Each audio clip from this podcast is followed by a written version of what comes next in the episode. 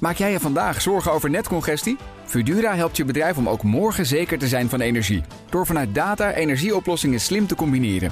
Zo installeren wij bijvoorbeeld een batterij om je extra opgewekte zonne-energie niet verloren te laten gaan. Kun jij onbezorgd verder met vandaag? Kijk op Fudura.nl. Fudura, de verandering voor.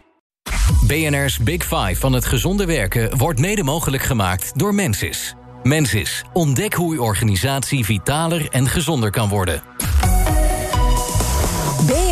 Nieuwsradio. The Big Five. Diana Matroos. Welkom bij BNR's Big Five van het gezonde werken. Een belangrijk thema, want werkend Nederland wordt steeds zieker. Burn-outs, welvaartsziektes, ze vliegen ons om de oren... en bedreigen de productiviteit en ons persoonlijk leven. En daarom zoeken we met de kopstukken uit de wereld... van de mentale en fysieke gezondheid naar het medicijn... en ook de verantwoordelijke, de werkgever of de werknemer. Vandaag bij mij te gast de voorzitter van de Raad van Bestuur van de Wageningen Universiteit. Een van de grote denkers als het gaat om voeding. En uiteindelijk bepaalt zij mede wat er morgen op ons bord ligt. Louise Fresco, van harte welkom. En ik zit me dan af te vragen: wat denkt een grote denker over voeding als hij ochtends aan het ontbijt zit? ja, dat is een goede vraag. Want je houdt wel een beetje een soort beroepsdeformatie aan dit vak over. Maar ik, uh, ik ben echt iemand van het vrij eenvoudig zelf eten. Dus ik ben s ochtends aan de yoghurt met een beetje ja, uh, havermout erbij. En soms, en meestal, nee, eigenlijk altijd fruit. En ik drink heel veel thee. Maar ik denk altijd, ja, niet zozeer over mezelf naar, maar het, het is onvermijdelijk dat ik denk: oh ja, yoghurt, dan zie ik een zuivelketen. Uh, ik kijk ook altijd in de schappen van de supermarkten van wat staat er weer voor nieuws. Maar ja, het is zo'n leuk en dynamisch vak dat je, ja, je kunt daar echt. Uh, hoe zou ik zeggen, je hele leven mee bezighouden zoals ik heb gedaan. En het verzuurt je ontbijt niet. Nou, dat is, dat is mooi. Uh, ik weet ook dat je vroeger in je studietijd was je echt helemaal vegetarisch. En dat is wel veranderd in de loop der jaren. Nou, ik moet je eerlijk bekennen dat in dit huis uh, komt eigenlijk, bij mij thuis komt eigenlijk uh, geen vlees over de deur, wel wat vis, of door de deur.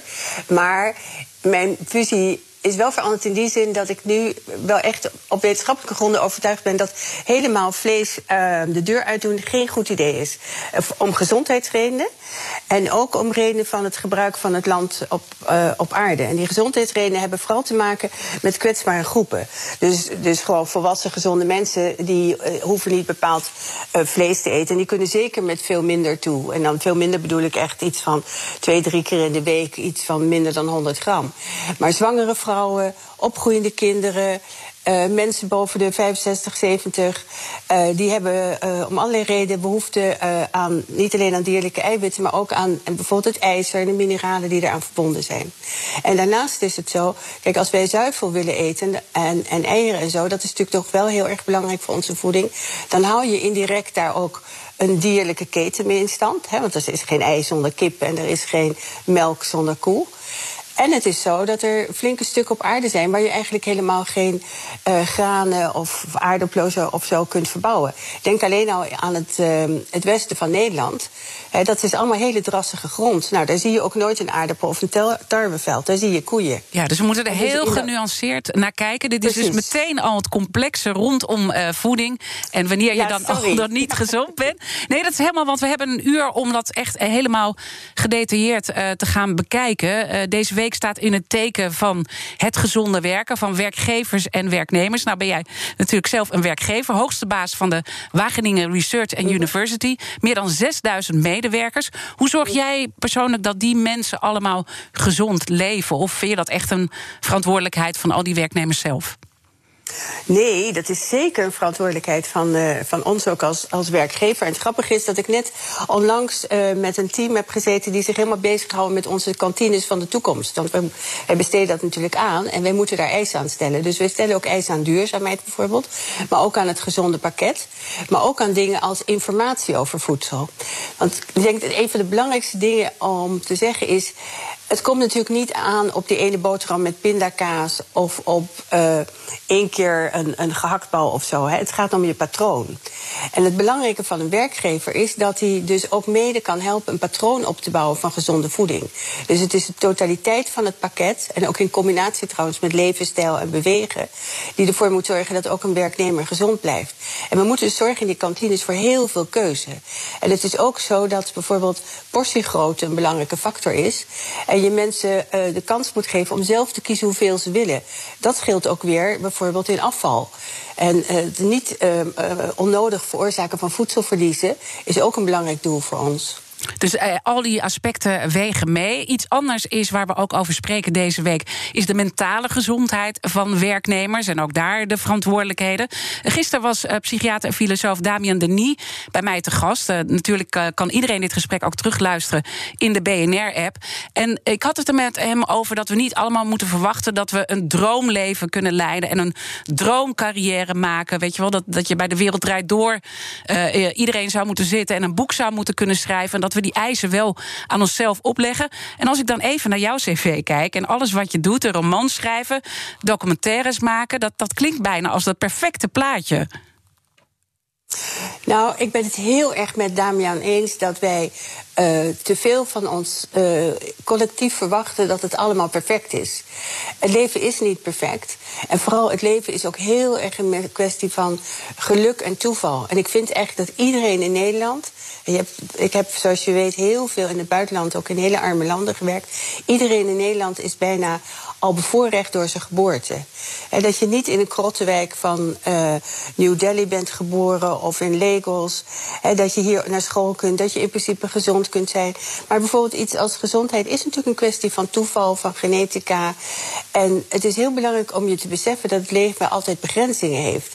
En dat je dus als waar je ontplooiing moet vinden binnen die begrenzingen. En dan gaat het vaak helemaal niet om wat er op je cv staat, maar om de, de innerlijke rust die je hebt en de, de acceptatie van wie je bent en je grenzen en je mm mogelijkheden. En nou zagen wij, um, je hebt een hele lange carrière. Hè? Je hebt voor de Wereldvoedsel- uh, en Landbouworganisatie van de Verenigde Naties gewerkt. En in jouw ontslagbrief bij de VN, waarvan ook een deel uh, bij jouw aantreden in het universiteitsblad kwam te staan, uh, zei jij het volgende: I believe in an organization where we worry less about rules ik raak intussen mijn stem een beetje kwijt. Ik weet niet wat dat zegt over mijn gezondheid, maar geen zorgen, geen corona. En more about the impact of our work. Je zegt nog wat meer uh, daarover, dat je echt wil dat mensen groeien en, en daar echt de kans voor krijgen. Is dat ook hoe jij daarmee bezig bent als het gaat om jouw leiderschapsstijl?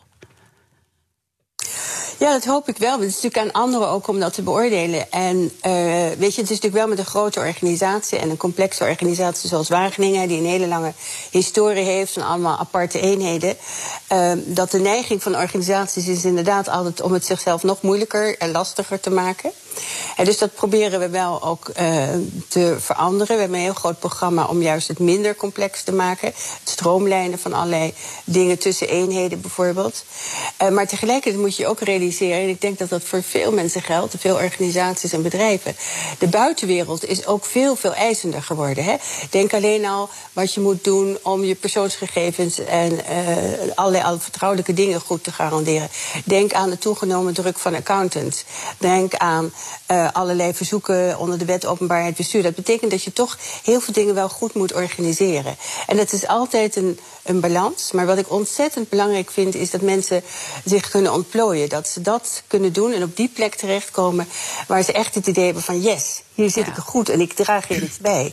Maar als perfectionist, want dat ben je natuurlijk gewoon zelf. Hè, dat, dat wordt ook in meerdere interviews over jou gezegd. Je bent een perfectionist en een idealist. Hoe zorg je dat je anderen niet over een grens heen trekt? Jouw eigen werknemers, als die misschien niet zo perfect zijn? Oh, maar ik ben niet zo'n perfectionist als het om anderen gaat. Ja, ik wil wel graag natuurlijk dat dingen goed georganiseerd zijn. Maar het is niet zo dat ik uh, alleen maar al die laatste kleine dingetjes wil regelen. Ik, ik vind juist dat er een stuk vrijheid moet komen. En Um, het enige wat je hebt, en dat is meer mijn idealisme wat me in de weg zit. Ik wil natuurlijk altijd dat het heel goed gaat en dat dingen um, ja, beter worden. En soms moet je gewoon wat langzamer gaan. Maar ik ben in Wageningen omringd door ontzettend veel heel slimme, heel gemotiveerde mensen. Dus Mooi. ik heb daar veel minder last van, in zekere zin, dan in de Verenigde Naties. Waar dus ook weer heel veel politieke benoemingen, waar uh, mensen allerlei andere doelen hadden. Ik durf echt met mijn hand op, de hart, op het hart te zeggen dat we in Wageningen echt het aller, allergrootste deel van de mensen daar echt is, omdat ze geloven in het bijdragen aan een betere wereld. En dat is natuurlijk een fantastische plek daarom om te werken. The Big Five. Diana Matroos. Je luistert naar BNR's Big Five van het gezonde werken. Eerder deze week sprak ik over dit onderwerp met staatssecretaris Paul Blokhuis... en gisteren met psychiater en filosoof Damien Denis. Vandaag voedseldeskundige Louise Fresco. We hadden net al even eh, gesproken over de kantine... hoe je daar zelf mee bezig bent op het werk bij de Universiteit Wageningen. Als jij kijkt uh, naar uh, de rol van werkgevers... en de gemiddelde bedrijfskantine... hoe gezond is die in jouw ogen op dit moment? Nou, ik denk ik durf niet zomaar over het gemiddelde te spreken, maar ik denk dat in alle kantines nog wel veel verbetering kan komen. En dat heeft vooral te maken met zorgen dat we voldoende groente en fruit hebben. En dat het ook aantrekkelijk is. Dus niet dat uh, blaadje sla, wat er al sinds zes uur s ochtends tussen twee laagjes plastic ligt. Maar uh, wij hebben bijvoorbeeld een kantine in Wageningen waar je zelf je sla kunt opzetten, scheppen, zelf kunt mixen. Waar je ook echte verse uh, groentesoepen hebt.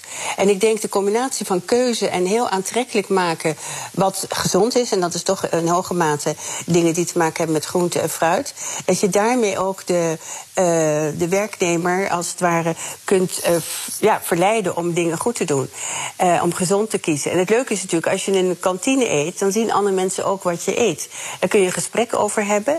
En wij zorgen ook echt dat de informatie er is. Dus waar komt het vandaan? Willen we op den duur ook gaan zeggen hoeveel calorieën zitten erin? Zonder dat het verschrikkelijk afschrikt. Want anders krijg je weer zo'n zo soort moralisme. En nogmaals, het gaat niet om die ene keer dat je geen slaat eet. Het gaat om het patroon dat je werkgever je de kans geeft om echt gezonde keuzes te maken. En ik hoor jou dus tussen de regels ook door zeggen, en je zegt het ook een keer letterlijk, we moeten erover uh, praten.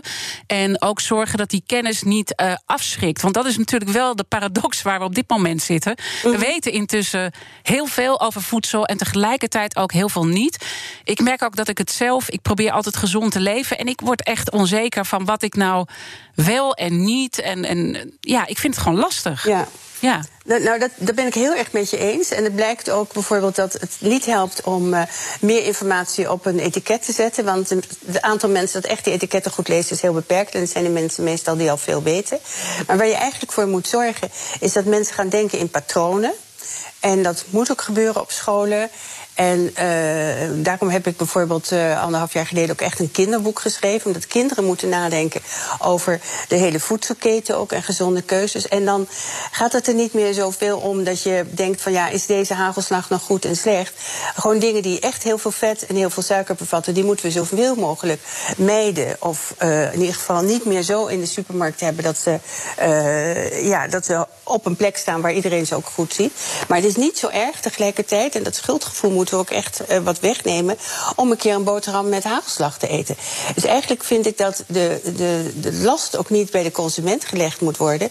Maar veel meer bij, bij producenten in de hele voedselketen. Zodat als jij iets koopt in de supermarkt. je gewoon kunt weten dat er geen slechte vetten in zitten. en geen verontreinigingen enzovoort. Ja, en daar hebben we nog wel een wereld te, winnen. Intussen zie je een hele strijd uh, uh, zie je op gang komen tegen suiker. Suiker is de grote vijand, de sluipmoordenaar, of hoe je het ook wil En jij kijkt daar genuanceerder naar. Ja, ja, ik heb ook wel eens over suiker geschreven. Kijk, suiker, uh, het is als met heel veel dingen. Suiker in grote hoeveelheden is absoluut niet gezond voor een mens. Maar helemaal suiker wegdoen. En suiker is natuurlijk een, een, een uh, woord voor een heel complex aan, aan chemische verbindingen. Dit is bijna niets waar, geen suikers in zitten. Hè, uh, en je moet dus niet suggereren dat alles daarmee slecht is. Het gaat nogmaals om de verhoudingen in het hele patroon.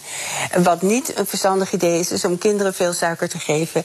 Uh, al heel vroeg, omdat ze ook wennen aan die, uh, aan die smaken. Maar eh, ik zal niemand verbieden om een, een, een suikerklontje in zijn koffie te doen als, je, als hij dat zou willen. Nogmaals, het gaat erom hoe vaak en hoeveel. En we moeten vooral zorgen dat we ons niet focussen op sommige dingen die dan bijna moreel slecht worden. En mensen ook alleen maar uh, verward achterlaten. Want wat is het effect van die verwarring die nu ontstaat? Ja, dat, dat voedsel heel problematisch wordt. Dat je uh, ook mensen krijgt die uh, dan in patronen vervallen van... ja, ik mag alleen maar dit of ik mag alleen maar dat. Kijk, we zijn ongelooflijk gezegend in Nederland, nogmaals... omdat we geweldige keuzes hebben... en elke dag voor een heel betaalbare prijs... heel goed en gezond kunnen eten. Dus in principe moet voedsel niet een probleem zijn. Het wordt pas een probleem vaak door de psychologische omstandigheden. Hè? Mensen die ongelukkig zijn en dan een heel pak vanillevla of een heel pak koekjes achter elkaar eten. Mensen die heel weinig bewegen. En dus het is daar waar je institutioneel, via werkgever, via scholen, voedsel kunt aanbieden, moet je als het ware die gevoeligheid voor het patroon. Uh, ontwikkelen. Zodat mensen uh, als het ware niet meer de behoefte hebben om, om zeg maar, eenzijdige keuzes te maken. En als ze dat wel doen, dan is het vaak een, een, een kwestie van psychologie en niet van voedselaanbod. Dus het gaat niet om uh, nou ja, verbieden, maar verleiden om mensen op een andere manier ermee te laten omgaan. En suiker is uh, prima als het maar niet nou, je nee, hele... suiker is niet prima. Maar, maar een beetje helemaal suiker uitbannen is geen goed idee. Maar je moet natuurlijk niet per se suiker stimuleren. Het is ook niet een kwestie alleen maar van, van het aanbod. Er is ook wel echt behoefte aan het kweken van meer begrip. Uh, heel veel mensen hebben geen idee hoe de voedselketen in elkaar zit. Uh, bijna alles wat je eet, zelfs die ene appel die er zo natuurlijk uitziet... is wel door de handen van mensen, bedrijven, koel, koelingen enzovoort gegaan. Dus heel veel van ons voedsel komt niet meer direct van het land. is heel erg uh, bewerkt. En daar zitten goede en slechte kanten aan. Uh, we kijken steeds meer, denk ik, ook, ook vanuit de wetenschap... naar hoe we zo min mogelijk bewerkingen kunnen toevoegen. Hè? Dus zo min mogelijk soepen pureren, bijvoorbeeld. Hè? Uh, het, het, eten van vezels, dat weten we ook echt. Dat is een van de, wel van de nieuwe basisinzichten. Is gewoon heel erg belangrijk. Dus eet die bonen... He, die keren dat je geen vlees eet. En pureer dan die bonen niet helemaal. Maar eet ze gewoon een beetje als bonen. Dan krijg, krijg je die vezels ook goed. Dus dat is een belangrijk feit in ieder geval. Uh, wat er wel is. En er is ook veel onzekerheid om, uh, rondom voedsel. Wat, wat ik me altijd afvraag. Ik eet al een tijd uh, zoutloos. En ik hoor heel weinig mensen relatief daarover. In vergelijking met de hele suikerwoede die er is ontstaan. Is uh, zout een te onder, onderbelicht probleem? Want er zijn gewoon uh, ja, cijfers in ieder geval... waar blijkt dat mensen veel te veel zout eten. Ja, daar heb je zeker gelijk in. En zoutloos betekent, uh, ik doe dat zelf trouwens ook... dat je geen zout toevoegt aan wat je kookt. Mm -hmm. Maar er zit natuurlijk in bijna alles wat, wat verwerkt is wel zout. Hè? Een, een pak soep, een brood, daar zit zout in. Een van de dingen waar we natuurlijk collectief mee bezig moeten gaan... dat gebeurt ook wel, dat zit ook wel in een aantal afspraken... is dat je de, het hoeveelheid zout in voedingsmiddelen uh, vermindert. Maar dat moet een collectieve actie zijn van bedrijven. Want als één bedrijf dat veel minder doet, dan weten we uit, uit, uit onderzoek dat consumenten dan of dat product gaan mijden of alsnog het kopen en er thuis een heleboel zout op doen. Hè. Zout is ook een kwestie van gewenning. Uh, dus daar kunnen we zeker ook wat doen. We hebben bijvoorbeeld al vrij succesvol uh, allerlei ongezonde vetten uit voedingsmiddelen gehaald. En dat, dat zijn processen van, van lange tijd. Maar nogmaals, het is niet die ene keer dat je zout op je frietjes doet dat je dan onmiddellijk. Nee, uh, zeker niet. Dat doe ik trouwens ook hoor. Af en toe. Ja, precies, ik wou is het zeggen, dat is bijna over mij. Ja.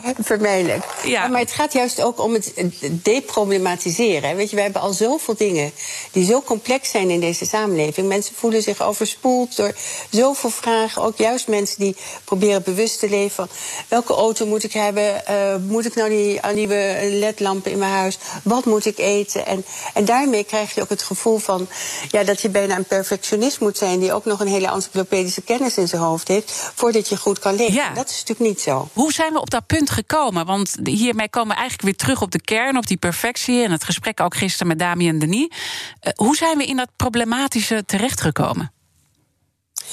Nou, ik denk wat er is gebeurd in de laatste 25 jaar is dat uh, ons leven uh, veel complexer is geworden, met name ook door die enorme toename van allerlei producten die we konden krijgen. Dat is niet alleen voedsel, maar het feit dat allerlei markten zijn opengegaan, dat we werkelijk in een wereldhandelsnetwerk zitten. Hè, dat is natuurlijk vanaf de jaren negentig is dat uh, heel snel gegaan. Um, betekent dat we heel veel meer keuzes hebben. En tegelijkertijd zijn de eisen die aan keuzes worden gesteld, en trouwens ook aan mensen, veel sterker geworden. Dus uh, je moest allemaal uh, hoog opgeleid zijn. Je moet een goede partij uh, trouwen of een relatie mee hebben. Je moet er ook nog hartstikke goed uitzien. En daardoor ontstaat ook een beeld van aan de ene kant moet, er, moet je heel veel, aan de andere kant heb je verschrikkelijk veel keuzes. En de wereld is natuurlijk ook veel ingewikkelder dan zeg 100 jaar geleden, toen de meeste mensen niet uit hun wijk of hun buurt of van hun boerderij kwamen. Dus het is logisch dat we ook mentaal behoefte hebben om nog een soort, uh, ja, een soort pad in dat doorhoofd te vinden.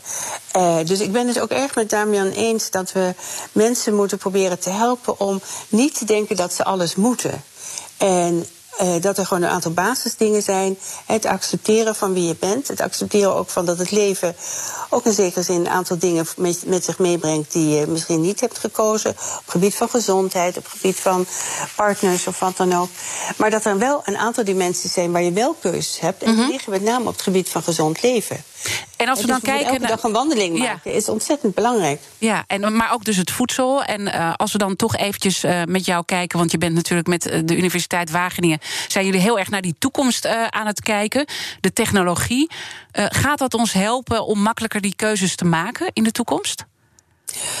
Ja, ik denk wat er aankomt in de, de komende vijf tot tien jaar is dat je voedsel uh, keuze althans, hè, dus niet de verplichting, maar je voedselkeuze, veel beter nog kan afgesteld worden op wie je bent en wat jouw mogelijkheden en tekortkomingen zijn. Of dat nou gaat via een soort uh, metertje in je horloge, of via iets anders, of via een chip die permanent vanuit je bloed dingen meet. Maar naarmate je ouder wordt, worden dingen ook weer verschillend. Dus je, je, je kunt je voorstellen dat er gewoon gekeken wordt van nou. Um, hoe zit het met je, met je ijzergehalte in je bloed? En dat je dan ook een signaaltje doorkrijgt van nou, doe daar wat aan. En dat kan of via een, een, een pil bij wijze van spreken, maar het kan in heel veel gevallen ook vaak beter via voedsel. En dat je als het ware een gepersonaliseerd voedingsadvies krijgt. Dat zou een deel van die druk wegnemen. Aan de andere kant zit er ook natuurlijk een soort Big Brother effect aan. Van willen we dat wel? Ik bedoel, uh, dat geldt dan een beetje zo voor, voor iets als... Uh, kan je werkgever straks meekijken op je stappenteller? Ja, en als je precies. dan niet genoeg hebt gelopen... Um, krijg je wel promotie bij spreken. Hè? Dat zijn natuurlijk schrikbeelden die mensen ook echt hebben. En daarom nogmaals wil ik zo benadrukken dat het ook een gesprek moet zijn tussen werkgever en werknemer. dat hoort er gewoon bij, denk ik, in alle ja, uh, personeelsgesprekken die organisaties en bedrijven voeren, is niet alleen wat heb je gedaan en wat heb je gepresteerd, maar hoe voel je je? Hoe kunnen we je helpen om je talent zo goed mogelijk te ontwikkelen? Kunnen we ook via voeding, via gezondheidsvisie zorgen dat jij uh, ja, eh, optimaal kunt functioneren. En daar gaat wel veel veranderen, omdat natuurlijk die digitalisering en met alles wat daarbij hoort, sensoren en zo, uh, veel meer informatie kan verzamelen. Over het voedsel. Trouwens ook in de voedselketen. Dus voedselveiligheid wordt ook veel ja. uh, beter. Ik stel voor dat we daar straks uh, over verder praten. En ook of corona nou uh, zaken gaat veranderen. Als het gaat hoe we omgaan met voedsel en hoe we daar naar kijken. Tot zo. BNR's Big Five van het gezonde werken wordt mede mogelijk gemaakt door Mensis. Mensis. Ontdek hoe uw organisatie vitaler en gezonder kan worden. BNR Nieuwsradio. The Big Five. Diana Matroos. Welkom bij het tweede halfuur van BNR's Big Five van het gezonde werken. Fijn dat je weer luistert. Vandaag is een van de belangrijkste denkers als het gaat om voedsel bij mij te gast, Louise Fresco. Louise, we spraken net al eventjes wat, er, eh, wat die werkgever kan veranderen als het gaat over het gesprek met de werknemers. Een ander belangrijk punt is natuurlijk het eh, preventieakkoord. Uh, daar sprak ik eerder ook over deze week met staatssecretaris Paul Blokhuis. Onder andere over de vraag of er een scherper preventieakkoord 2.0 moet komen. Natuurlijk is dit gesprek ook terug te luisteren in de BNR-app. Als we uh, kijken naar een nieuw preventieakkoord, stel dat het toch een keertje opengebroken wordt, want er is intussen heel veel kritiek over. Wat moet er dan in staan om echt de grote stappen te maken die in jouw ogen nodig zijn? Nou, ik denk dat het preventieakkoord uh, vooral moet beginnen bij, uh, bij kinderen. Nog veel sterker dan, dan nu. Met, met het werkelijk kinderen bewust maken op scholen over uh, van het belang van voedsel, van voeding, maar ook van de voedselketen als geheel, investeer je eigenlijk in de toekomst. En uh, voedsel is ook hartstikke leuk. Ik heb, uh, dat zei ik al, ik heb dat kinderboek teruggeschreven. Dat hebben we op een uh, school in Den Haag, in het Laakkwartier, toen ten doop gehouden. En met die kinderen ook smaaklessen gedaan. Hè. We hebben een programma in Wageningen dat heet Smaaklessen. Waarbij je kinderen ook iets, zelf iets leert doen. En dan merk je hoe ontzettend leuk en onbevangen kinderen nog naar voedsel kijken. Het wordt pas problematisch als je het inderdaad gaat, gaat laten met allerlei negatieve dingen. Van je mag niet dit, je mag niet dat.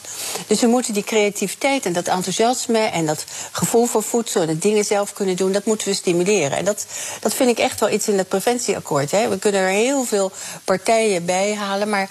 Um, maak een, uh, als het ware, een groep jongeren die adviseert op dat akkoord. Ja. Uh, en dat, dat kan dan van verschillende leeftijdsgroepen zijn. Maar daar zou ik erg voor zijn. Dit is iets wat uh, ook eerder deze week terugkwam. Zowel bij Marius Touwen, een heel succesvolle zorgondernemer. als bij Damien Denis. Die eigenlijk ook zeggen: we moeten veel meer aandacht besteden aan leefstijl op dat onderwijs. Want uiteindelijk daar creëer je dat je uiteindelijk op de lange termijn gezonde werknemers krijgt op de werkvloer.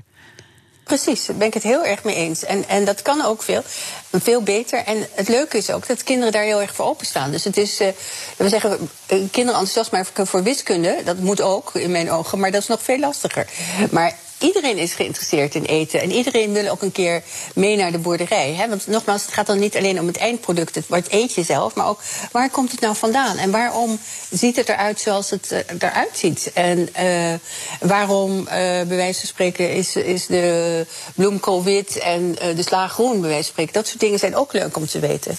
Want dat zorgt dat we steeds meer een andere band uh, ook krijgen met eten. Er is dus veel kritiek op dat uh, preventieakkoord. Deel jij die kritiek? Want uh, er wordt ook gezegd, er wordt gewoon te veel invloed is er voor het bedrijfsleven.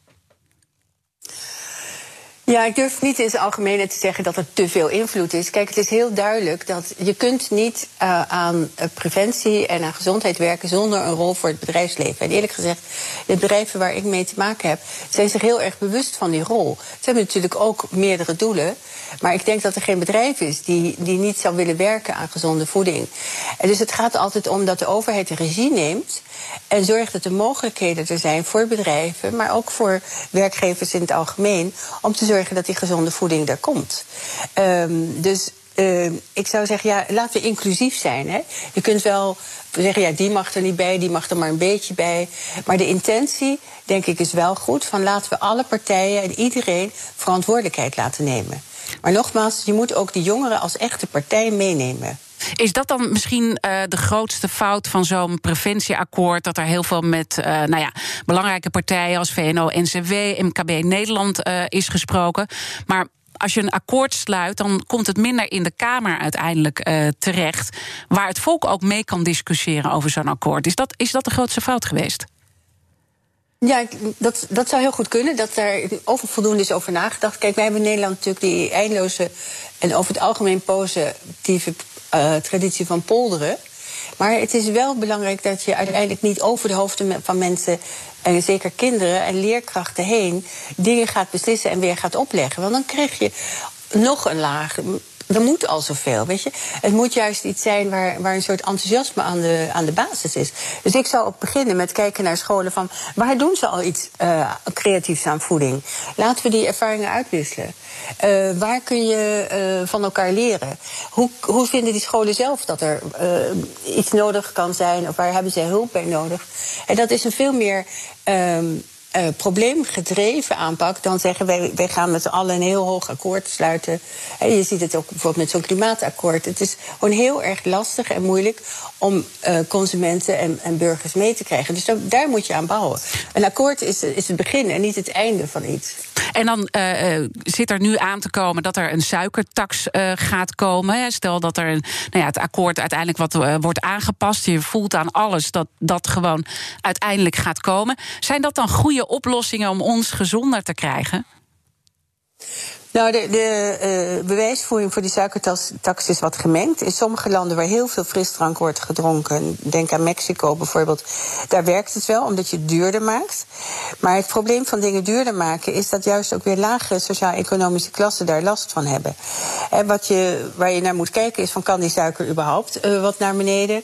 Uh, je moet denken aan schoolkantines, dat je daar minder aanbod hebt van dingen. Dus een suikertax is mij een wat te makkelijke oplossing Dus weer, ja, als het ware iets technocratisch, waarbij je zegt: oké, we hebben één truc en die gaan we toepassen en dan zijn we er. En nogmaals, het verhaal van suiker is veel complexer. En het tot iets verbodens maken is niet altijd hetgene wat de beste reactie in mensen en in kinderen um, beweegt, zou ik maar zeggen. Ja, en uiteindelijk gaat het natuurlijk wel om dat dat gedrag uh, veranderd wordt in positieve zin. En dan zit je dus al met een complex uitgangspunt, omdat niet iedereen inclusief is meegenomen in dat uh, preventieakkoord. Dat er ook mogelijk maatregelen komen ja, waarvan het effect misschien niet heel erg bewezen is. Wat helpt dan wel om dat gedrag in positieve zin, als het om ons levensstijl gaat, te veranderen? Zijn dat de overheidscampagnes, uh, informatie van het voedingscentrum over de schijf van vijf? Ja, al die dingen helpen wel een klein beetje. Hè. Die schijf van vijf en die stoplichten enzovoort. Maar ik, ik geloof echt dat je uh, veel meer dan een preventieakkoord... als ware een, preventiegesprek moet hebben op alle niveaus. Mm -hmm. Op scholen. Hè. En, en het, het nare is dat onderwijzers en leraren al heel erg overbelast zijn. En je moet gewoon zorgen dat je er plaats voor maakt. Het is heel erg raar dat wij in ons curriculum... Hè, in het lespakket van scholen... wel over geschiedenis en aardeskunde en noem maar op leren. Maar eigenlijk niet over dat hele complex van voedsel landbouw, klimaat, milieu, gezondheid. Dat zou uh, ook een onderwerp moeten zijn wat je gewoon daar leert. En wij moeten dus ook scholen proberen te helpen, denk ik, collectief, om daar meer ruimte voor te maken en dat gesprek te voeren. Ik geloof veel meer in een gesprek voeren bij iets wat zo complex is als voeding, dan dat je met van buiten opgelegde regels of belastingen uh, iets gaat doen. Tegelijkertijd ja. moet je wel met de, met de supermarkten en de retailers praten van hoe kunnen we zorgen dat dat gezonde aanbod ook echt zo zichtbaar en betaalbaar mogelijk is. En misschien, en dat verwacht ik ook, hè, met nu steeds meer online, uh, mede door corona bestellingen, dat je die supermarkt ook veel meer maakt tot een winkel waar mensen iets kunnen leren over voeding en gezondheid. Waar ze ook bijvoorbeeld gerechten kunnen uitproberen. Mm -hmm. Dus het wordt toch meer iets waar je iets ervaart dan alleen ja. maar waar je doorheen race om wat van de kant. En toch, hè, uh, uh, als het gaat om meer die gesprekken uh, voeren. De, de, als het gaat om voeding, worden eigenlijk heel veel gesprekken gevoerd. En dan nou ja, speelt altijd dat de invloed van het bedrijfsleven in, enorm groot zou zijn. We kennen allemaal tal van dieetboeken, eetgoeroes die van alles over ons uitstorten. En daar zit ook wel een ondertoon in dat we nou ja, bijna vergiftigd worden af en toe door het bedrijfsleven. Dus het gesprek wordt wel gevoerd. Dus geen gesprekken. Ja, dat zijn geen gesprekken. Dat zijn uh, religieuze kastes die met elkaar in de klins liggen. Dat is iets heel anders. Dus heel veel mensen geloven in. Uh, het is werkelijk geloof in een bepaalde benadering. Of ik, ik wil alleen maar dit, of ik mag alleen maar dat. en, en natuurlijk is het iedereen's vrije keuze om, om te, te denken, al of niet uh, op basis van, van feiten, dat ze uh, baat hebben bij een ananas dieet of baat hebben bij geen gluten eten. Maar wat belangrijker is dat wat voeding eigenlijk doet voor het lichaam. Waarom voeding belangrijk is. Wat voor keuzes je hebt. En dat het gaat om dat patroon in relatie tot gezond leven. Dat is het gesprek. En dat, er heel veel opties zijn en dat je op een gegeven moment zelf kunt kiezen, dat is stap twee. Maar niet dat je opgelegd wordt door een dieetboek of door een kok of wat dan ook wat je moet. Voeding is niet een kwestie van moeten. Voeding is een kwestie van verstandig kiezen. En dat betekent dat je ook best wel eens iets mag kiezen wat niet in het dieetboek staat. The Big Five. BNR Nieuwsradio. Diana Matroos. Je luistert naar BNR's Big Five van het gezonde werken. Mijn gast vandaag is Louise Fresco, voedseldeskundige, voorzitter van de Raad van Bestuur van de Wageningen Universiteit. En altijd in de top als het gaat uh, van de invloedrijke uh, Nederlanders. Dat uh, bekende lijstje waar ze altijd in staat. We praten, Louise, vandaag over voeding en, en de winst die de, te behalen valt. En ook nou ja, de, de, de paradoxen die er zijn over de voeding dat wantrouwen, hè, hoe kunnen we dat nou oplossen? Uh, wat, wat er speelt in de samenleving richting dat grootbedrijf? Ja, dat wantrouwen gaat natuurlijk over meer dan voeding. Hè? En dat heeft ook iets te maken, denk ik, met het ongemak wat mensen over het algemeen hebben. Zowel bij overheid als bedrijfsleven. Uh, het idee dat dingen uh, als waar niet meer in de controle van, van individuen zijn. En dat heeft gewoon echt te, te maken met de complexiteit van onze samenleving.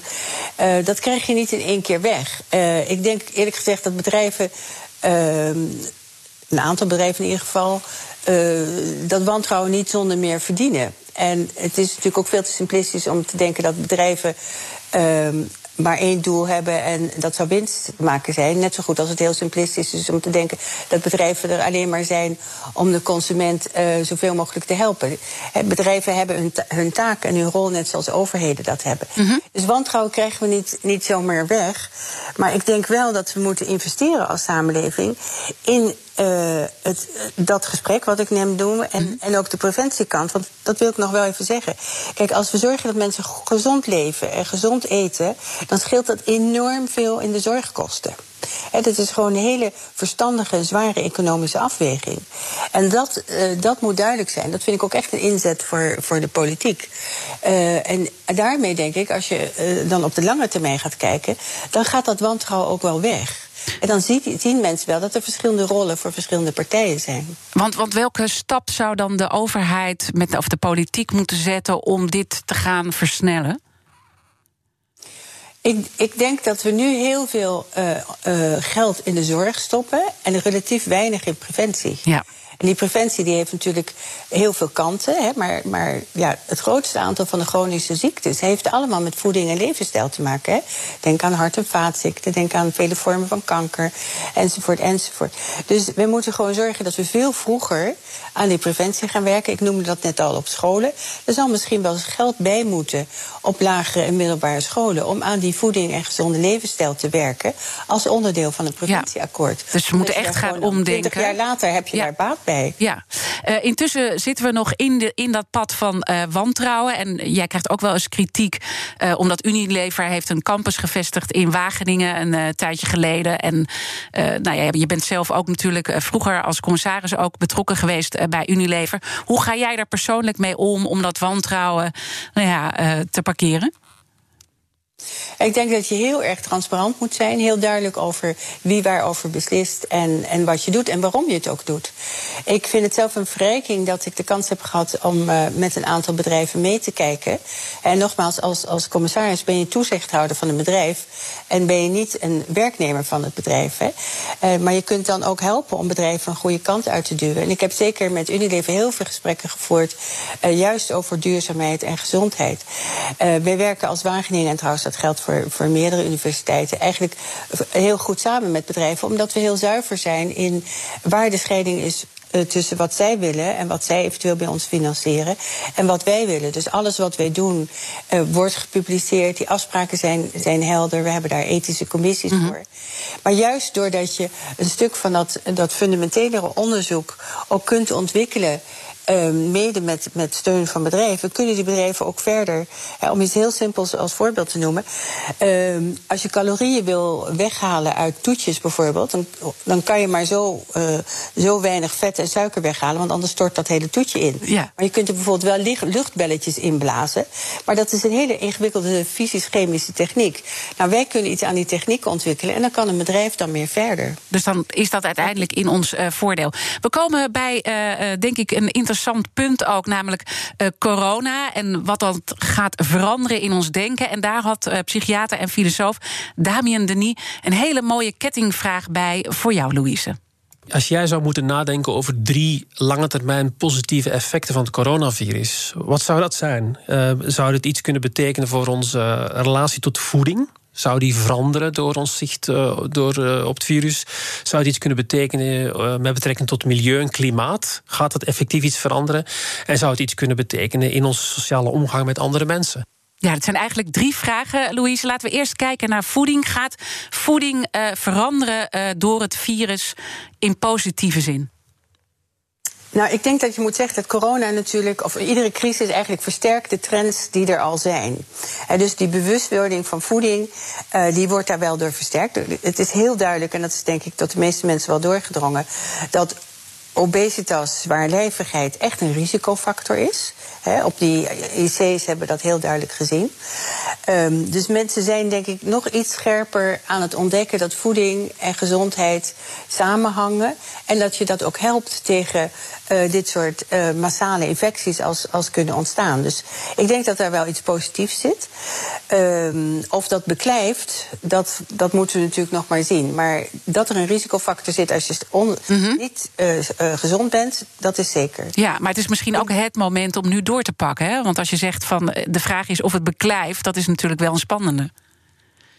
Ja, dat is ook zo. Uh, maar nogmaals, de boodschap die, die je daarbij hebt, is natuurlijk niet een nieuwe boodschap. Want we weten al heel lang dat uh, voeding, uh, nogmaals, een van de belangrijke pijlers is in de preventie en in het onderbouwen van gezondheid. Dus, maar dat zou je dus aan de hand van deze voorbeelden ook nogmaals op scholen en zo echt wel, wel ja. kunnen bespreken en kunnen bekijken. En bijvoorbeeld ook in de, huis, uh, in de wachtkamers van, uh, van uh, huisartsen en dergelijke dingen. Ja, dan vraagt hij ook iets over het milieu en klimaat. En dat is ook wel mooi om dat meteen te koppelen aan het thema van volgende week. Want mijn collega Art Rooijakkers die gaat een week beginnen over de energie energiedilemma's. BNR's Big Five van de energiedilemma's. En dan gaat hij van start met Ed Nijpels. Is er een vraag die je echt aan Ed Nijpels zou willen stellen? Jazeker. Ik zou zeggen, Ed, luister eens, zijn wij niet heel lang al bezig met de oude oplossingen van de vorige eeuw? Namelijk zon, wind en biomassa. En wat zijn nou echt de werkelijk nieuwe innovaties, de doorbraak in energie waar wij op moeten inzetten. Zowel in termen van onderzoek als in termen van het fiscaal makkelijker maken en, en acceptatie. Waar liggen de innovaties? Waar krijgen we de grote stappen? Mooie vraag. Gaat uh, Art Rooijakkers zeker meenemen volgende week.